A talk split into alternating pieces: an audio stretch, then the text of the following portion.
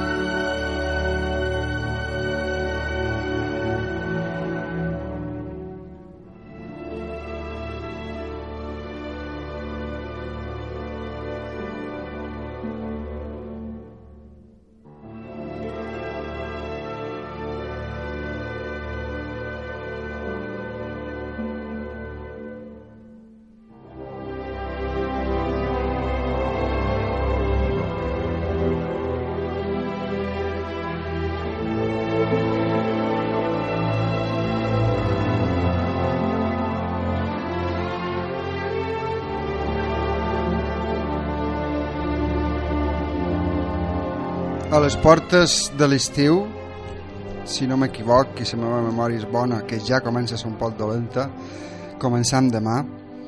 Arrencam el nostre programa d'avui i el volíem dedicar a totes aquelles persones que volen, desitgen viatjar, però per les circumstàncies actuals no poden. Per això nosaltres els farem somiar, viatjar, però virtualment.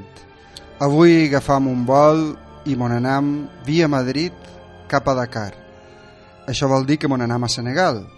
Però és que després de Senegal resulta que mon anam més al sud, perquè parlarem d'una part del Senegal molt concreta.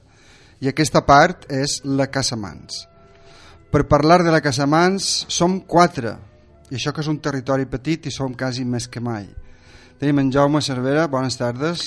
Bones tardes, què tal, Àngel? Bé. Bones tardes a tots els radioients. Maecor, com estàs? Bé, encantat de tornar a Radio Maraquí i al programa Bon Viatge. No és la primera vegada que Maecor és en nosaltres i com a senegalès de pro que és, aquí està, per parlar. Un senegalès mallorquí. Mallorquí, del seu país. Bé, de bon, et diu, de bon dius tu que ets, quan te demanen? Jo som de, de, som de Mallorca, mon pare és de Caimari i ma mare de Buja. Molt bé, perfecte. I el nostre convidat estel·lar, o estrella, el tenim a Barcelona, i és en Jordi Canal, que també repeteix. Com estàs, Jordi?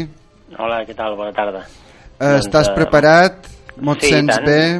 Clar, sí, sí, a punt per viatjar. A punt per viatjar, molt bé. Nosaltres quasi, quasi no hem fet ni ses maletes. Tenim tantes ganes de partir que ja partiríem sense maleta.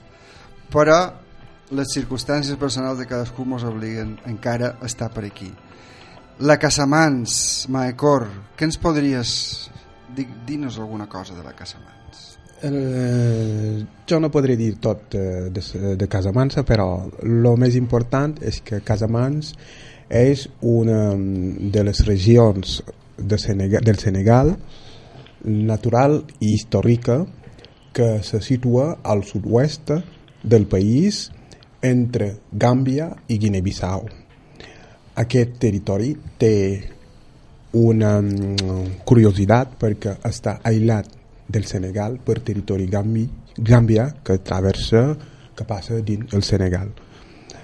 Podríem dir també que el nom de Casamans sona com un nom latí perquè eh, segons història l'any 1400 i pico va venir un navegant portuguès que es diu eh, Dinis Diaz i quan va entrar allí sentia que quan demanava de quin poble és aquest territori la gent deia Casa Mansa.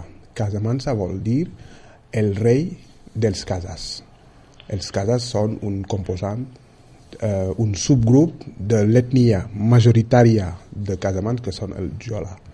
Per tant jo penso que és m'aturaré aquí per eh, Després te xerrarem després més. més coses Jordi, en Maicor mos ha introduït un poc eh, el nom, el topònim i també la situació geogràfica. En Jaume després ens farà una explicació més adient a tot això. Que, com voldries introduir tu aquest país o aquesta, aquest petit país dins d'un altre país? Què ens Doncs, diries? eh, Sí, potser pa- parlant una mica de la seva singularitat, no?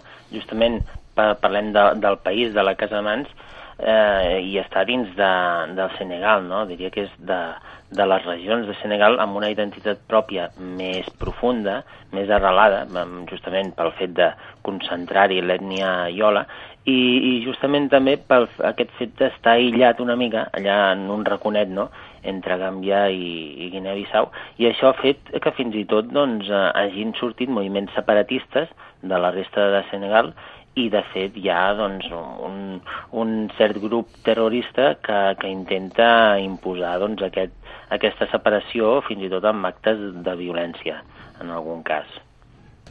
Després parlarem un poc d'això perquè eh, pot desencadenar un certa, una certa problemàtica de cara al turista però podem dir ja des d'un principi que bé, malgrat això és, està latent però cada vegada apareix que, que s'està arreglant o va menys, no vol dir que hagi desaparegut però a nivell turístic jo estic convençut personalment perquè ho he, ho he vist i després per tots els que sents que se pot viatjar en aquesta zona de, del Senegal eh, Sí, perfectament, perfectament, sí, sense sí. cap tipus de problema però hi ha gent que tot una que sent alguna cosa s'assusta s'assusta i haurien d'evitar això Jaume, com fes-nos una introducció dels teus estils Uh, bueno, i d'ahir anant per feina. Mm, tornar a repetir moltes coses de Senegal, pues, uh, potser és un tant reiteratiu per als radioients que uh, amb suït, uh, certa suïtat o bé amb freqüència ens escolta i he pogut escoltar un dels altres programes que han fet aquest país. Cal dir que Senegal, per, tant per n'Àngel com per jo, i lògicament per els convidats que tenim avui en el programa, és un país un tant especial, dir, sentim una carinyosa simpatia eh, a ell. Molt possiblement perquè a part de viatjar-hi eh, per conèixer noves cultures, nova gent i nous territoris, eh, també hi hem desenvolupat o hi desenvolupam una tasca de cooperació amb un poblat eh, just, diríem, al nord de Gàmbia, eh, malgrat encara sigui a dins terres senegaleses. Es tracta d'un poblat de pescadors de, de Mísiga.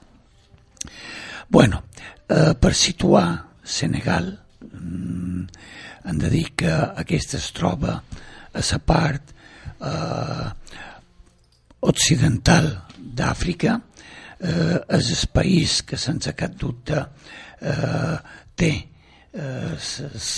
les coordenades més occidentals del continent africà està bé a l'extrem del promontori que genera aquesta panxa eh, tan ben definida i redona que constitueix el nord-occidental d'aquest continent.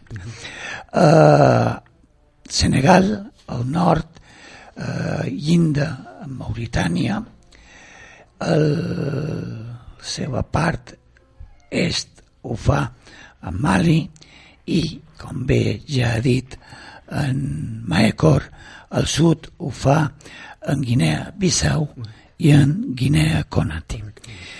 Curiosament, és un país que eh, contra, diríem, natura o lògica mm, territorial eh, incideix aquest país de Gàmbia que és un país allargassat entorn de les dues vessants del riu Gàmbia i que té unes dimensions aproximadament d'uns 50 quilòmetres d'amplada per uns 300 eh, terra endins.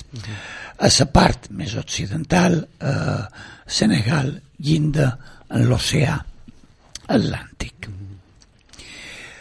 el seu idioma, mm, el seu idioma oficial, millor dit, és el francès, malgrat que aquest eh, no ho xerra tothom, i en canvi entre moltíssimes altres llengües pròpies del continent o pròpies del territori que vull visitar és qui eh, més es parla és, és Wolof.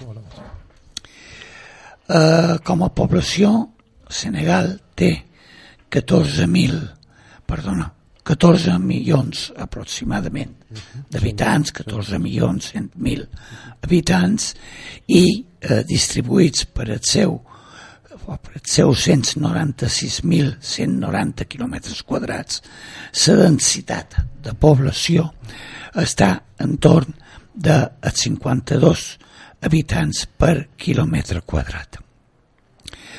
Uh, des d'un punt de vista climàtic o territorial, Senegal és un país de contrastos, ja que al nord eh, trobam un paisatge eh, desèrtic, eh, un típic paisatge de Sahel, mentre que va guanyant verdor, densitat de vegetació i en, en nombre de precipitacions a mesura que ens feim de nord a sud.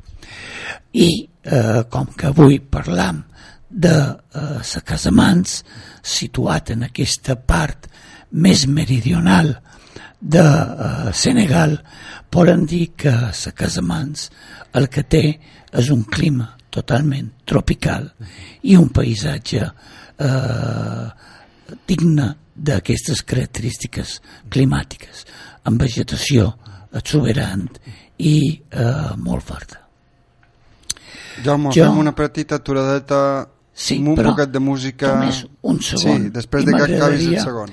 M'agradaria eh, llançar una pregunta en Maia Cor, que sense cap dubte és un bon coneixedor de eh, les circumstàncies que varen fer eh, possible que avui tinguem un país, una incisió dintre un país com el Senegal, d'un territori que constitueix un país eh, independent com és Gàmbia.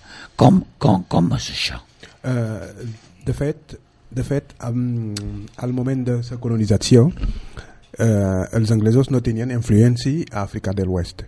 Hi havia portuguesos i francesos. I els anglesos pot tenir un poc d'influència. Uh, el país més a prop uh, d'Àfrica de l'Oest era Togo i des de Togo venien cap a Àfrica i des de llavors se van instal·lar a, a, a Gàmbia. Però mm, Gàmbia va tenir eh, la seva independència l'any 1965 i abans Senegal tenia la seva independència però eh, Senegal i, Senegal i Gàmbia tenen la mateixa població. Les autoritats senegaleses mai no, havia, no havien pensat um, que Gambia podria ser un, un, un territori extern de Senegal, però els anglesos varen mantenir la pressió al colonitzador fins que avui Gambia sigui un altre territori dins Senegal. I és, un, és una de les conseqüències dels capritxos de la colonització. De, de la colonització. Sí. Molt bé. Passam a la música i després seguim amb en Jordi.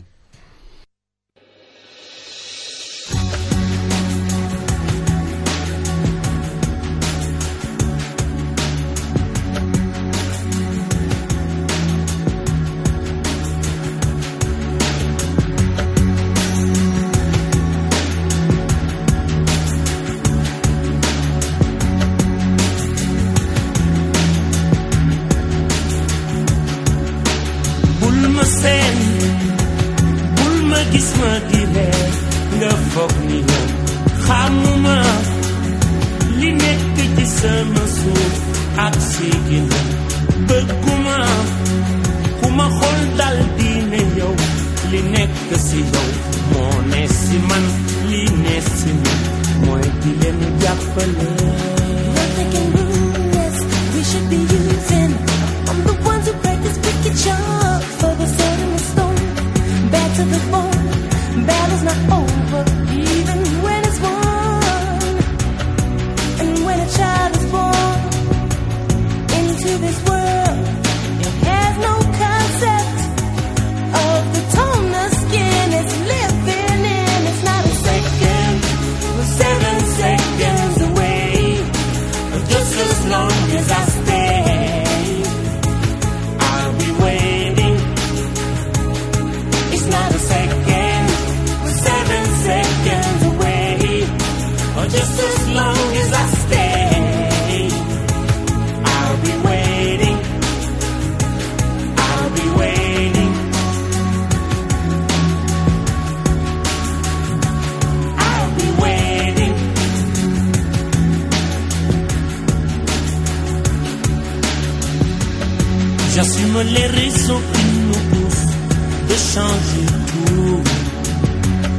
Le couleur pour qu'ils espèrent.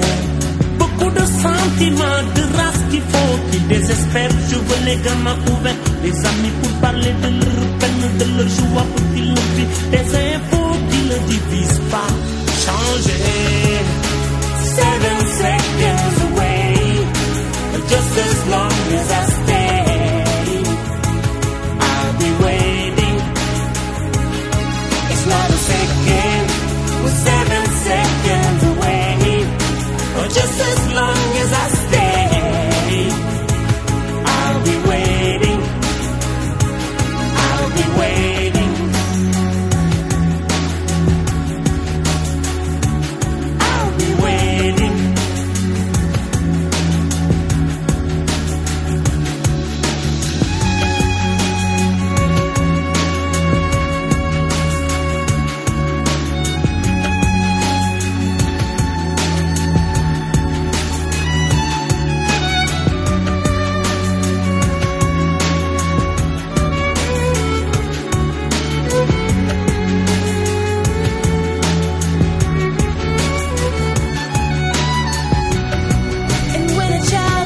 Sou al 92.9, Ràdio Marratxí, programa Bon Viatge, avui a la Casa Mans, el Senegal, el, a la part occidental de l'Àfrica, en aquella panxa tan meravellosa que en Jaume ens han descrit abans.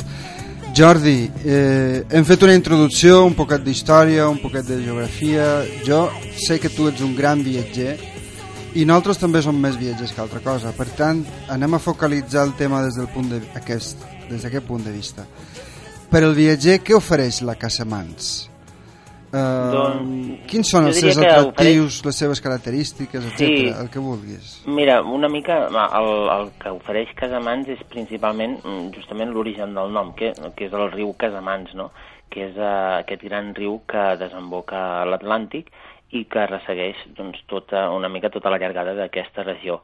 I, de fet, uh, molta d'aquesta vida està doncs, eh, fonamentada al llarg del riu i això és el que també dona un cert atractiu a tota aquesta regió. És una regió molt plana, això sí, però com que té aquesta irrigació i, i aquesta aigua constant, per tant, doncs eh, s'utilitza sobretot per eh, al cultiu de l'arròs. Aquí, mm, principalment a, a la regió, es viu de, de la pesca, per una banda al riu o sobretot a, a l'Atlàntic, i per altra banda també a l'arròs. I després doncs això es troba amb, amb la gastronomia amb els plats típics com el tiebudien, no? que és una mica com el plat nacional de, del Senegal. I a la vegada també per viatjar doncs eh, facilita tant que fins i tot eh, hi ha gent que va a viatjar per aquí a la Casamans en bicicleta perquè és tan pla que realment no necessita esforç Això està molt bé, eh? per tot el- l'ecoturisme que està ara. Bon dia. Aquesta gent que va en bicicleta, eh, mem, què fa? Eh, S'endú la bicicleta des d'aquí o la lloga sí, allà? nor- normalment eh, el, el que fan és allà doncs és més difícil de trobar bicicletes, no? sobretot doncs, que, que estiguin noves i que puguin funcionar i moltes vegades per complementar el viatge amb una acció social el que fan és endur-se bicicletes d'aquí de, de- d'Espanya i eh, les deixen al final del viatge allà amb alguna ONG o en algun lloc on puguin necessitar les bicicletes perquè així s'estalvien també el cost de, de tornada de la bicicleta i, i d'alguna manera també s'ajuda a aquestes poblacions a poder comunicar-se doncs, eh, fàcilment. No? Allà la bicicleta doncs, és molt apreciada també per ells mateixos. I a nivell de, de noms, de topònims, què destacaries? Doncs eh, bé, molts són afrancesats, no? perquè doncs, és, Bé, què hem de fer? és, és l'idioma, però, però hi ha ciutats doncs, amb una sonoritat molt, molt interessant. No? Eh, no sé, Ziguinchor, per exemple, la, la mateixa població principal és la capital d'aquí, de Casamans, ja té un nom una mica abocador, no? Però després també hi ha moltes altres poblacions que no només són interessants pel nom, sinó també pel, pel contingut o, o alguna cosa que, que hi hagi dins de, de la pròpia població, no? Per exemple, n'hi ha una que està a prop de, de la desembocadura del riu, que és Molomp, i, i aquí, per exemple, hi ha un arbre que diuen que és un arbre sagrat, és un, un immens baobab que té a més una de les branques mig caigudes i, i doncs tothom que passa per allà doncs, el contempla perquè és realment un, un arbre interessant fins i tot a nivell eh, doncs, botànic, no? per a la, la seva antiguitat. O, o per exemple, el, el poble d'Usui, que és un dels importants de la regió, que té un rei, que és el rei d'Usui. No sé si en Maicó n'ha sentit a parlar. És, és un, un rei d'un petit regne que, que engloba el poble i una mica més, però que dins de, justament, una mica el procés de pau de, d'aquest front revolucionari que parlàvem abans, que busca la independència, és, és un rei que ha estat buscant la manera de pacificar la regió. A més que justament és un rei que no és hereditari, sinó que s'escull per un consell de, doncs de, de gent, eh, de vells del poble, de, de vells sabants, que es diuen allà, no? de gent sàvia, i, i quan mor el rei, doncs, ells es reuneixen i en tornen a buscar un altre que fins a, a la mort doncs, eh, tornarà a ser rei. No? I és molt curiós perquè va vestit totalment de vermell i, a més, va descalç perquè d'aquesta manera pot accedir a una part del bosc que és sagrada on, on pot establir contacte amb el fetix de, del, del seu poble i d'aquesta manera també doncs, rebre la saviesa que la, la seva religió animista fa que el Déu té. Està, Corques, que volies... El Jordi en sap molt. en Jordi és el nostre convidat sí, estel·lar, però en, estàs tu també. Sí, sí, en Com Jordi... entre tots dos... Jo no me recordava, és vera, que fa uns anys que no vaig estar a Senegal per eh, viure aquesta, aquesta, aquesta, aquestes festes que se fan cada any per um, el rei d'Ussui. És vera, eh, a mi m'ha estranyat molt quan la primera vegada estudiant vaig sentir que hi havia un rei que no era hereditari a Senegal. I de fet és vera, aquest, aquest, aquest rei és un rei viu, això diuen allà, perquè sempre que hi ha un rei que, que s'ha mort el rei que el substituï és un rei eh, anomenat dins el poble, no és, un, no és una persona especialment triat dins una família, però una persona escollit dins el poble.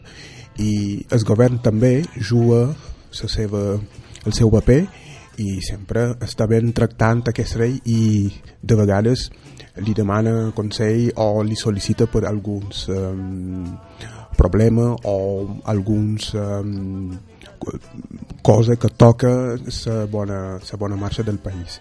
Aquest rei juga un bon paper i sobretot a nivell de, de la conservació de la cultura de, de la cultura casamans perquè eh, com l'ha dit en Jordi el, aquest poble és un poble eh, major, majoritàriament animista i aquesta cultura és encara viva. I aquesta gent mantenen aquesta cultura viva perquè sempre estan seguint eh, que feien els ancians. I això eh, eh, fa que en alguns racons de Senegal sempre eh, la gent segueix a viure les tradicions. Per tant en Jordi ha dit molt i en sap molt també Bueno. Bé, en Jordi, continuem en el tema... Una cosa molt pràctica, sí. molt pràctica i senzilla. Jo arribo a l'aeroport, via Madrid, normalment. Eh, per anar a Casamans, què he de fer? Mm, a Perquè veure, si uh, agafo una carretera me trobaré en Gàmbia. Sí, clar, exacte. De, de fet, uh, jo quan vaig anar uh, ho vaig fer via justament Gàmbia, via Banjul, perquè hi havia un vol directe de Barcelona a Banjul, que doncs, durant un temps es va, es va perdre, però ara em sembla que l'han recuperat i de fet és la, el millor sistema perquè t'estalvies tot el pas des de Dakar fins a, fins a aquesta regió, no? De fet, si no, hi ha un ferri que va des de Dakar fins a Casamans, fins a Ziguinchor, que passa que dura doncs, un, un dia i mig, em sembla que és que llavors que, doncs és un, un moment que, que està desaprofitat quan sobretot eh, quan viatgem i, i el temps és limitat, no?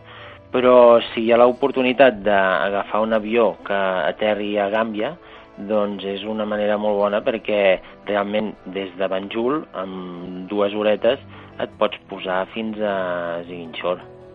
I el travessar la frontera des de Gàmbia fins a Senegal, algun problema? O... No, no, no, el problema és que has de pagar, com tot, no? Has, Ah. has de segellar el, el visat i per fer això doncs eh, s'aprofiten i et cobren.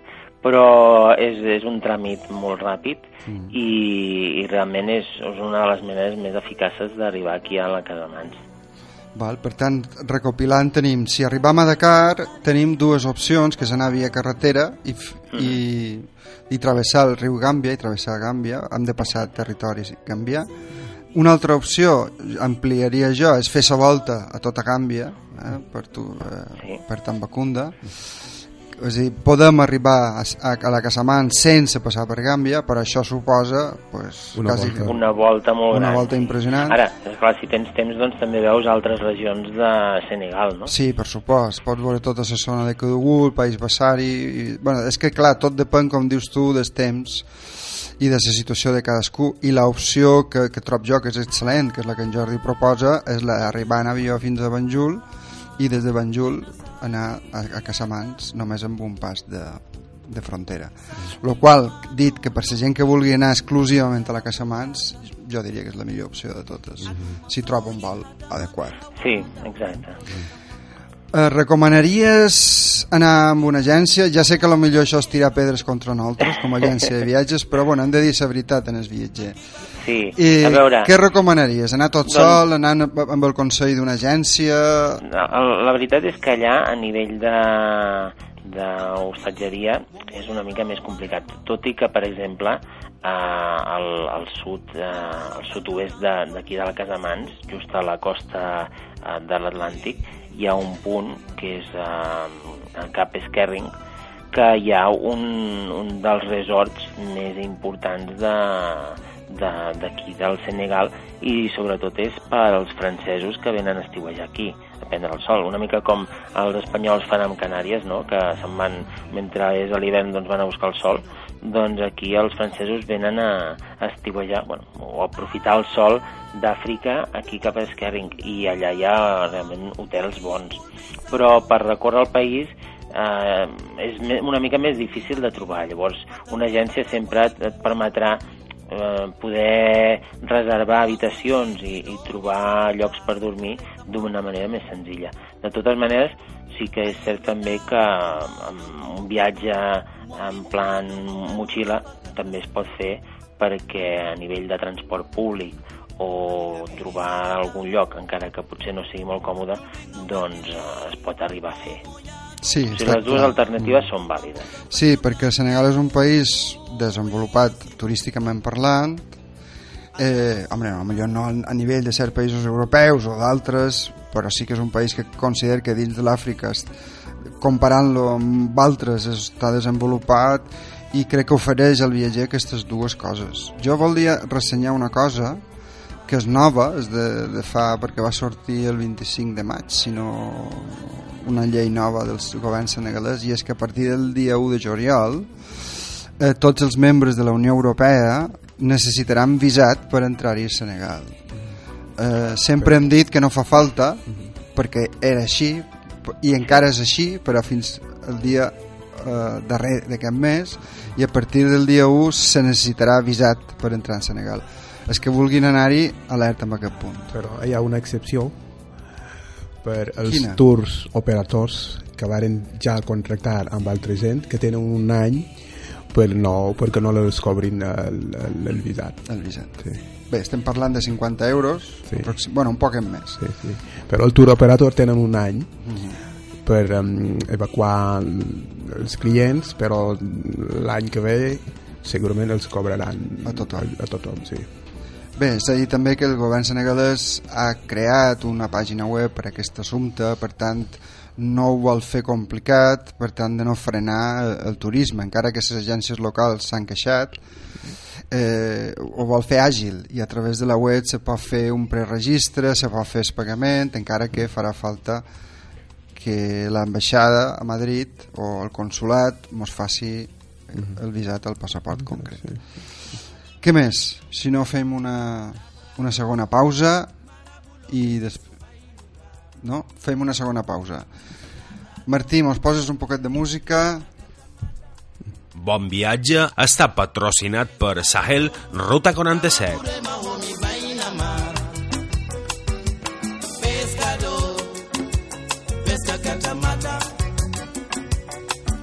caminho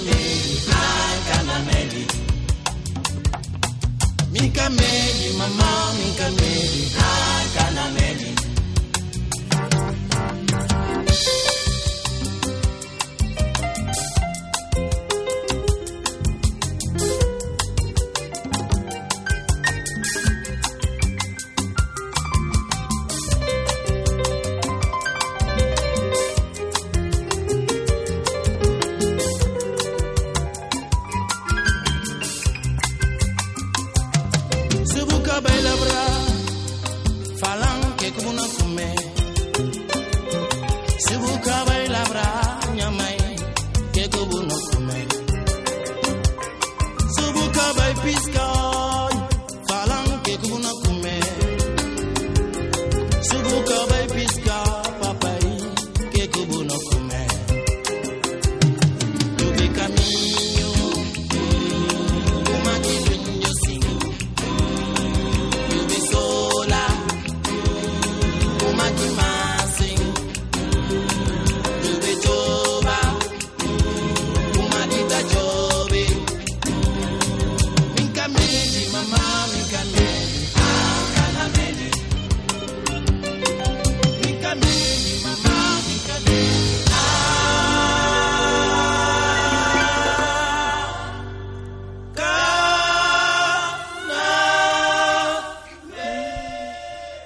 A Ràdio Marratxí, bon viatge, la Casamans. Som a Senegal i si voleu anar a les, la Casamans o a Senegal o a qualsevol altre país, però especialment avui a la Casamans, poseu-vos en contacte amb nosaltres. Mireu la nostra web i tenim una oferta de Senegal amplíssima, ruta47.com. És amplíssima i l'hem ampliada fa poc perquè hem preparat un viatge per al mes de novembre espectacular, no a la zona de Casamans, però sí al desert de l'Ompul, perquè cada any, des d'en fa 4, se celebra un festival de música amb importantíssims músics de la zona del Sahel, no només de, de Senegal, sinó de tota la zona. I hem preparat un viatge complet de 9 dies per al mes de novembre. Vos recoman que si teniu possibilitats, tant de temps com de vés, òbviament, entreu a la web ruta47.com i el mireu. És el quart festival du Sahel. Això serà el mes de novembre. Ho tornarem a repetir, però com una de les coses particulars d'avui és que aquest és el darrer programa de la temporada, ja, no sé, o li haurem de pagar a Marradio Marratxí una cunya perquè insistiu mos ho faci, o ja ho haurem de repetir ja per el mes de setembre o octubre. i si esteu pensant i no sabeu què heu de fer el mes de novembre, aquesta és una gran possibilitat. Eh, Jordi, mm, jo ara li volia demanar a Maecor un plat, és a dir, perquè jo quan, quan viatge sempre me diuen allà te'n vas, allà els negres passen fam, i sempre dic el mateix. Allà no se passa fam, la fam està en altres llocs, però la gent de, de color, la gent negra, menja i menja bé i molt. Quins són els plats que destacaries entre tots dos? Val? Aneu xerrant, vos podeu interrompre, vos podeu interrompre, per què no? Home, aquí segur que en sí que ho coneix molt millor i fins i tot segur que sap preparar algun plat. Però a mi de- d'això, de, de que realment no passes gana, eh, és totalment cert perquè hi ha plats, a més, de molta quantitat, plats boníssims. Mi, per exemple, el tiabudient mateix, que és un arròs eh, una mica barrejat, una espècie de paella d'aquí, doncs eh, em va encantar. Exemple, no sé, el meu cor, si el sap preparar aquest plat, Sí, perfectament.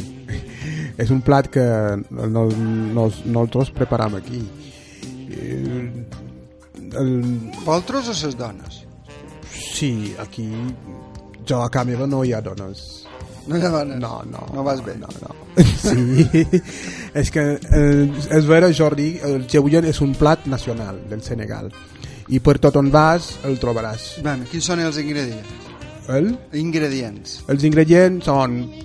Gen vol dir peix en, en, en Wolof. Bé, tot, tot el menjar a Senegal, o la majoria del menjar de Senegal, és fet a base d'arròs. Ingredient que tenim i do són peix, arròs i oli vegetal. I res.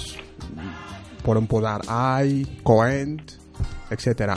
perquè sigui un poc eh, salat i molt bon de gust perquè a Àfrica també la gent menja molt salat Molt salat i moltes pistes. sí, però el plat típic de Casamans que ve de Casamans que també és a base d'arròs es diu kutxà um, aquest, aquest, aquest menjar de vegades està fet sense peix o sense carn si tenen carn està bé, si no tenen no passa res però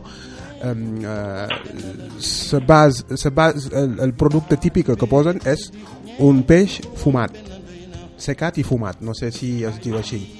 Aquest peix se posa mesclat dins una salsa fet de fulla d'eucaliptus i d'oli de palmera, de coent i de sal.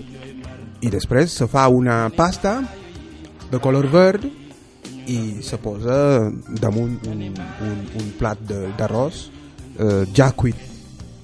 Cuit. Sí, arròs cuit, cuit, ben cuit, ben fet. Perquè aquí jo he vist l'arròs com se fa, però no és tan cuit com a Senegal. Aquí l'arròs és um, sencer, però a Senegal no mengen aquest tipus d'arròs. L'arròs que mengen té un poc de goma. És d'aquest arròs trencat. Trencat, sí, això mateix. Per tant, eh, la, la, el plat típic de Casamans es diu kutxà i està fet a base de fulla d'eucaliptus, d'oli de palma, de coent i d'arròs. Eh, és cert que a Senegal gairebé tots els menjars eh, o tots, o gran part de, de la gastronomia té com a base l'arròs Arròs, sí. dir l'arròs eh, bullit, l'arròs cuit i a partir d'aquí se cuinen diferents salses eh, amb carn o peix o sense i et serveix a sobre aquest arròs eh, bullit no? Sí, sí, sí, això mateix. Eh, jo, per exemple, jassa sí, jassa, mafre, jassa que és un plat a base de cebes, posen molt de cebes, o carn o peix. També tenim mafe, que està fet, la salsa està fet a base de cacauet eh, torrat.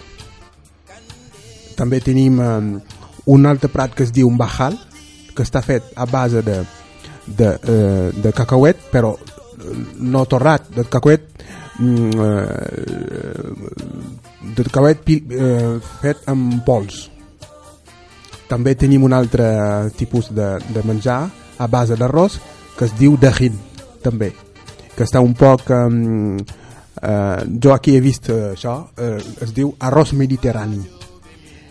Aquí l'arròs mediterrani s'afegeix legumes i, i, i verdures però allí eh, l'arròs que feim només posam o peix fumat o carn o peix Jo, les qüestions mm, que m'agradaria que comentassis, Maicor o en Jordi, si, si coneix el tema, és que en les ocasions, precisament a Senegal, m'estaren explicant que eh, no únic i exclusivament a Senegal, sinó en el conjunt d'Àfrica, eh, l'arròs és un element introduït, és un element que malgrat avui eh, se dongui com a la base eh, de la gastronomia.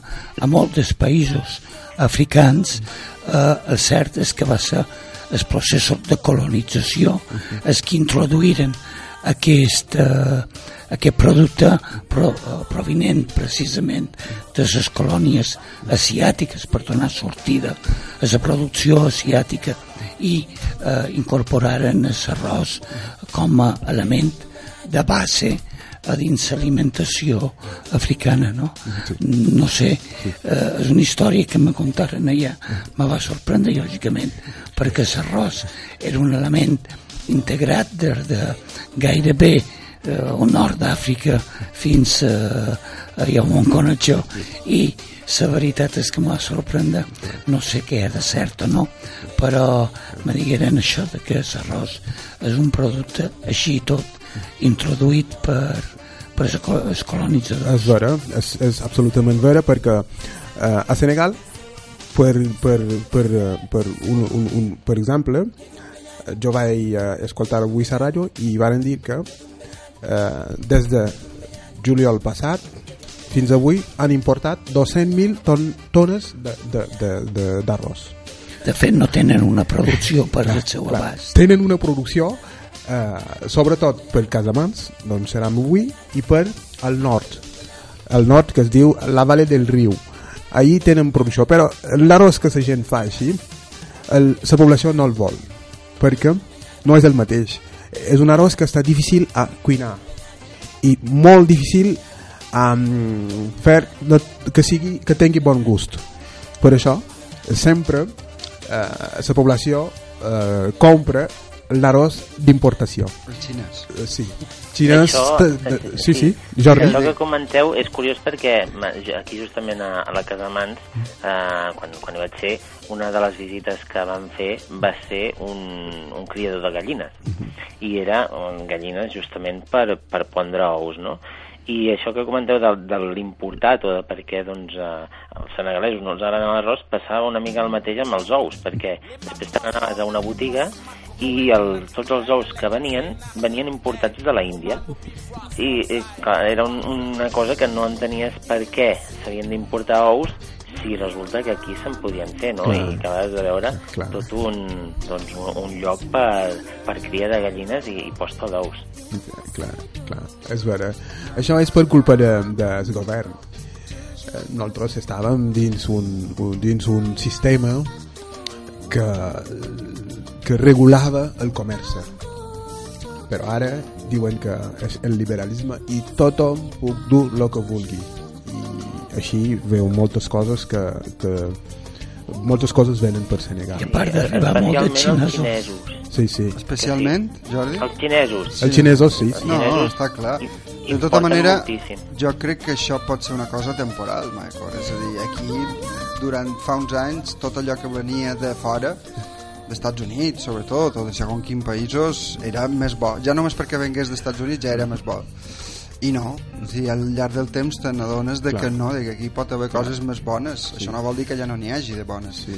I jo crec que la gent arribarà un moment i dirà que hi ha arròs bo al Senegal i ous bons a Senegal i altres coses que se puguin anar cultivant. Clar, clar, Però està clar. Bueno, i, i si xerrant de ser gent, Jordi, eh, en Maicor abans ha apuntat una cosa, és a dir, no són musulmans, són animistes. Són animistes, sí, això es, es veu moltíssim. De fet, és un, una, un dels principals interessos per la gent que li agrada l'etnografia com, com a mi, perquè constantment vas veient detalls d'aquest de, de, doncs, animisme, no?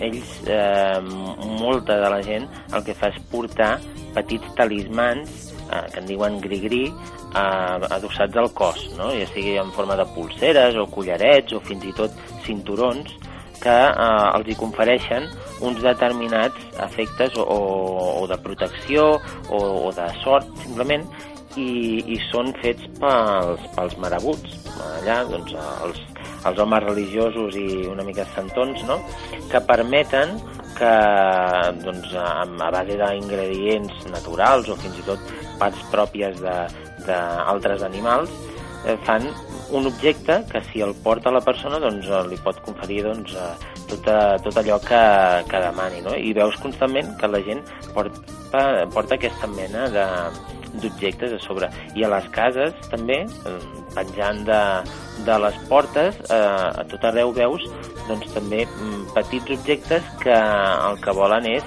evitar que entrin els mals esprits o portar sort a, a la gent que viu a la casa, etc i fins i tot els enterraments també te n'adones que és un, una altra manera d'entendre de, la mort, no? Aquí una de les coses que, que més em va copsar és que vam coincidir amb, amb la mort d'una senyora que ja era gran, era vella i de totes maneres era important dins del poble, a, a Usui, i a l'enterrament, abans d'enterrar-la, es va concentrar tota la gent del poble a la plaça més gran i portaven la dona en una espècie de cadafalc eh, entre, entre diferents homes eh, ornamentat tot amb, amb, amb corns de, de vaques una mica que és el símbol de la riquesa d'allà, no?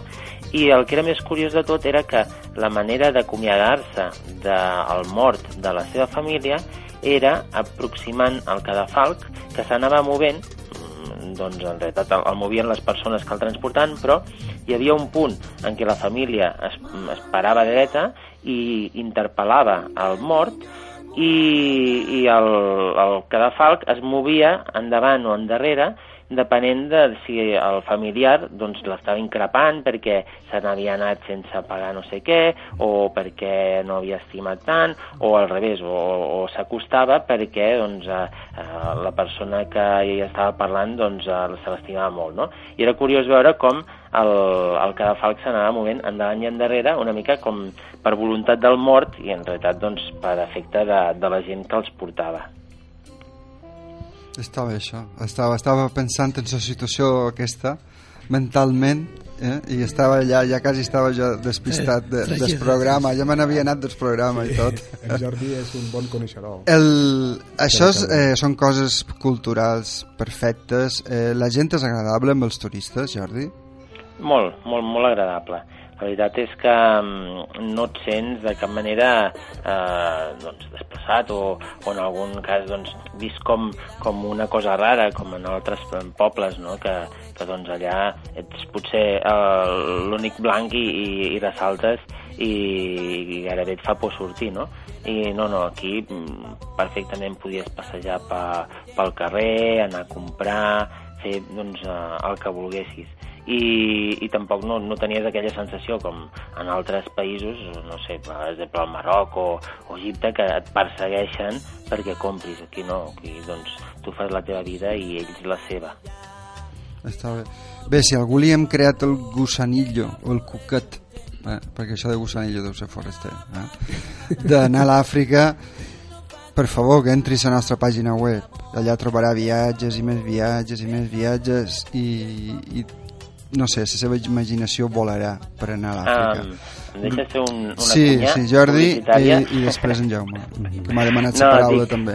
No, no és per vendre viatges, però sí, eh, si algú vol veure fotografies de- d'aquí de, la Casa Mans, ho pot fer a la, a la meva pàgina web. I digue-la, digue-la. És uh, www.jordicanal.com i aquí hi han penjades fotos justament de, de la Casa Mans i doncs eh, qui s'animi doncs això que per buscar el viatge que ho faci a Ruta 47 Exacte, molt bé. De tota manera, hem de dir que tens més fotos, perquè he entrat jo més una vegada i, i o tenies les de, les de Guinea i altres sí, països. Sí, eh? a part, eh, doncs, també aquí d'Àfrica concretament, doncs, eh, de Guinea, de Mali també, Ah. de, de Gàmbia també n'hi ha algunes, i d'Egipte, que ja vam parlar també, També. ara recentment, Mhm. i, i del Marroc també. Són, una mica de tot, no? I també d'altres llocs del món. O sigui que si algú s'anima a, mirar-ho, doncs també Perfecte. qualsevol comentari és benvingut. Molt bé, Jordi. Jaume. Mem, jo, no, jo Te volia... toca, te toca, te toca, tranquil que te toca. Jo volia llançar una pregunta a un dels dos eh, contertulians que tenim. Eh, jo de Casamans, a més de tot el que hem parlat, hi ha un altre element que sempre eh, m'han destacat, no? que és una certa arquitectura eh, lligada a l'aprofitament eh, de Saigo, és a dir, eh, cases que d'alguna manera eh, funcionen com impluvis romans i que emmagatzemen aigua eh, per al seu ús com a aigua potable, malgrat estiguem, com han dit abans, a una zona on eh, l'aigua no pareix ser un dels problemes. En saber, no, no, no ho coneixeu, en teniu referència d'aquest d'aquest Sí. element. Sí, sí, de fet no sé si en, en Mecor ho, ho recorda d'aquí de, de les cases de, de Casamans, però jo sí que vaig estar en diferents pobles i així com els impluviums romans doncs eren eh, de les típiques viles romanes quadrats, en aquest cas eh, és curiós perquè eh, exteriorment es veu doncs, eh, les edificacions fetes amb fang, amb, amb maons de fang i palla, mm, de manera circular, amb un sostre cònic, però mm, que és de un, doncs una taulada de, de palla, que en teoria cònica, però és un con truncat, perquè a l'extrem el que fa és justament baixar cap a dins i l'interior és perforat. Una mica vist des de dalt seria com un dònut, no? Que llavors la pluja la poden aprofitar perquè cau cap a dins i de fet aquí és on, on també fan el foc perquè el fum se- se'n vagi pel, pel centre, pel forat aquest eh, que hi ha a l'aire i, i veus que moltíssimes de les cases conserven aquesta eh, arquitectura Aquesta encara tradicional. Absolutament. Sí, jo record que, no sé si ho he comentat alguna altra vegada, que hi havia gent, eh, arquitectes catalans, una vegada que eren per allà, que estaven estudiant eh, aquest tipus d'arquitectura. És a dir, obje ha estat objecte d'estudi per molta gent, perquè això és un dels grans aprofitaments de, de l'entorn i del medi ambient. No? És la diferència que marca aquesta zona. Bé, mos hem d'anar despedint. Som quatre, mos queden cinc minutets, però clar, com avui és el darrer programa, doncs hem de fer una petita despedida. Eh, Ruta 47 vos ha oferit al llarg de tot l'any certs programes, tots els que hem pogut, de viatges, hem anat a Egipte, hem anat a Kènia, hem anat a Marroc una altra vegada, hem fet feina amb, el, amb l'arquitectura del fang, hem estat a Senegal, hem estat a Etiòpia, hem estat eh, eh, a Camerún, hem estat a Gabon fa, fa, fa no res, hem estat a Guinea Equatorial, bé, jo no sé ara els països que podria, però segur que me n'he deixat qualcú pel camí, perquè dos programes per mes, pues, durant nou mesos són de vuit països, o sigui que més o manco inclús hem seguit de prop eh, tot aquest eh, conflicte que cal dir que apareix o les notícies que sortien recentment aquesta setmana perquè comença a veure el seu punt i final del conflicte dels tuarets en Destruïts el govern de Mali. De Mali també, exacte. Sí, sí. També vàrem parlar de, de, de gent que ha fet des de nord a sud tota l'Àfrica, vull dir, són viatges d'aquests espectaculars, etc. És a dir, Ruta 47 vos ha oferit una visió dels viatges a l'Àfrica, és la nostra especialitat. Hi ha, hi ha gent que ens diu, i per què no parlau d'altres països? Bé, perquè encara que som una agència de viatges, eh, la nostra especialitat i el nostre, o la nostra passió és l'Àfrica i per tant eh, això és el que nosaltres volem oferir o, o vendre, entre cometes, cadascú ho, ho pot interpretar com vulgui. Jo crec que hi ha una part romàntica en el nostre programa i és que eh, i d'alguna manera, no sé, crec que l'Àngel estarà d'acord amb jo en el principi quan ens van eh, presentar la possibilitat de poder oferir-nos aquests petits viatges virtuals si més no eh, a l'Àfrica eh, ho varen fer des d'una intenció molt eh, sincera i era rompre aquesta por tradicional que a dins la nostra comunitat occidental i sobretot a dins la Balea pues ha en pegar vot i visitar un continent que tenim tan proper com és Àfrica. Està a tir de pedra. Jo, jo digues. sempre amb aquest amb eh, bon viatges sempre he tingut la sensació que era dins el meu país sempre he tingut aquesta sensació i sempre he tingut um, um, tingut bon gust de participar en aquest programa Jo amb això mai cor no l'agafam amb algo que mos arriba molt en escoret. Hombre, és que tenint el pare de Caimar i la mare de Buja que m'acord bé Jordi i els oients perquè no és que sigui així però en Macor fa aquesta broma molt de mallorquins quan li demanen tu bones que el senten parlar en mallorquí se sorprenen no? Clar. Jordi, una darrera pregunta a quin país recomanaries viatjar de l'Àfrica ja que hi som Doncs Per mira, aquest justament per, per parlar de, de l'Àfrica, no, no del, de l'Àfrica Nord, que, que seria doncs, un altre tipus de, de, de, de gent i d'ètnies, sinó justament l'Àfrica, mm, doncs, la pròpiament Àfrica Negra, el millor país per mi és justament el Senegal, perquè és aquest país que t'hi pots sentir com a casa i descobrir que aquest país, o aquest, aquest territori, aquest continent, que aparentment doncs, és eh, tan, tan eh, perillós o tan difícil d'accedir-hi, en realitat és molt senzill i et- t'aporta moltíssim com a viatger. Macor, un país per viatjar a l'Àfrica i no va al Senegal jo, Ja te l'he pres aquest, eh? a part de que te l'han pres és el teu per tant val, no me val. penso que Mauritània seria també un bon país per, Val, per viatjar un país que tu també coneixes. Sí, sí, Bé, sí. en aquest moments, eh, l'altre dia llegia una notícia, ho dic ràpidament, que feia molta calor. Eh, eh, si volem anar a Mauritània, en, en hivern, nostra millor època. Jaume, un país per anar. Bé, eh, jo com que tu ben saps que som un anomenat de, no d'un país, sinó d'un paisatge, que és el desert, a on m'hi trob amb molt de gust, jo gairebé aniria a qualsevol país que oferigués eh, aquest paisatge, aquest, eh, No val, això no val. contrades. Un país. Però jo crec que eh, havia pensat en Mauritània, en Michael se m'ha adelantat. Jo crec que seria just eh, en aquests moments recomanar Mali. En aquest moment Mali. I de jo també, també recomanaré un i fugiré de la part occidental per què no me n'anem a Kènia? És el país mític dels safaris, de la fauna, dels animals, dels massais, país fantàstic, meravellós i que crec que encara val la pena fins que no mos destruesquin tota aquesta zona dels massais. Ruta47.com Vos ha oferit el programa Bon Viatge. Mos queda mig minut, ens volem despedir de tots fins al mes de setembre, octubre, no sé, ja veurem, ja hi haurà novetats importants crec en aquesta temporada o no importants, no sabem si tornarem o no tornarem, però ho intentarem. En Martí ens diu que sí, que no te preocupis. Una salutació i moltes gràcies a tothom des del programa Bon Viatge, sobretot d'en Jaume, d'en Joy i d'en Michael. i molt de gust per en Jordi Adeu. Igualment, moltes gràcies. Adéu Adeu a tots. Adéu.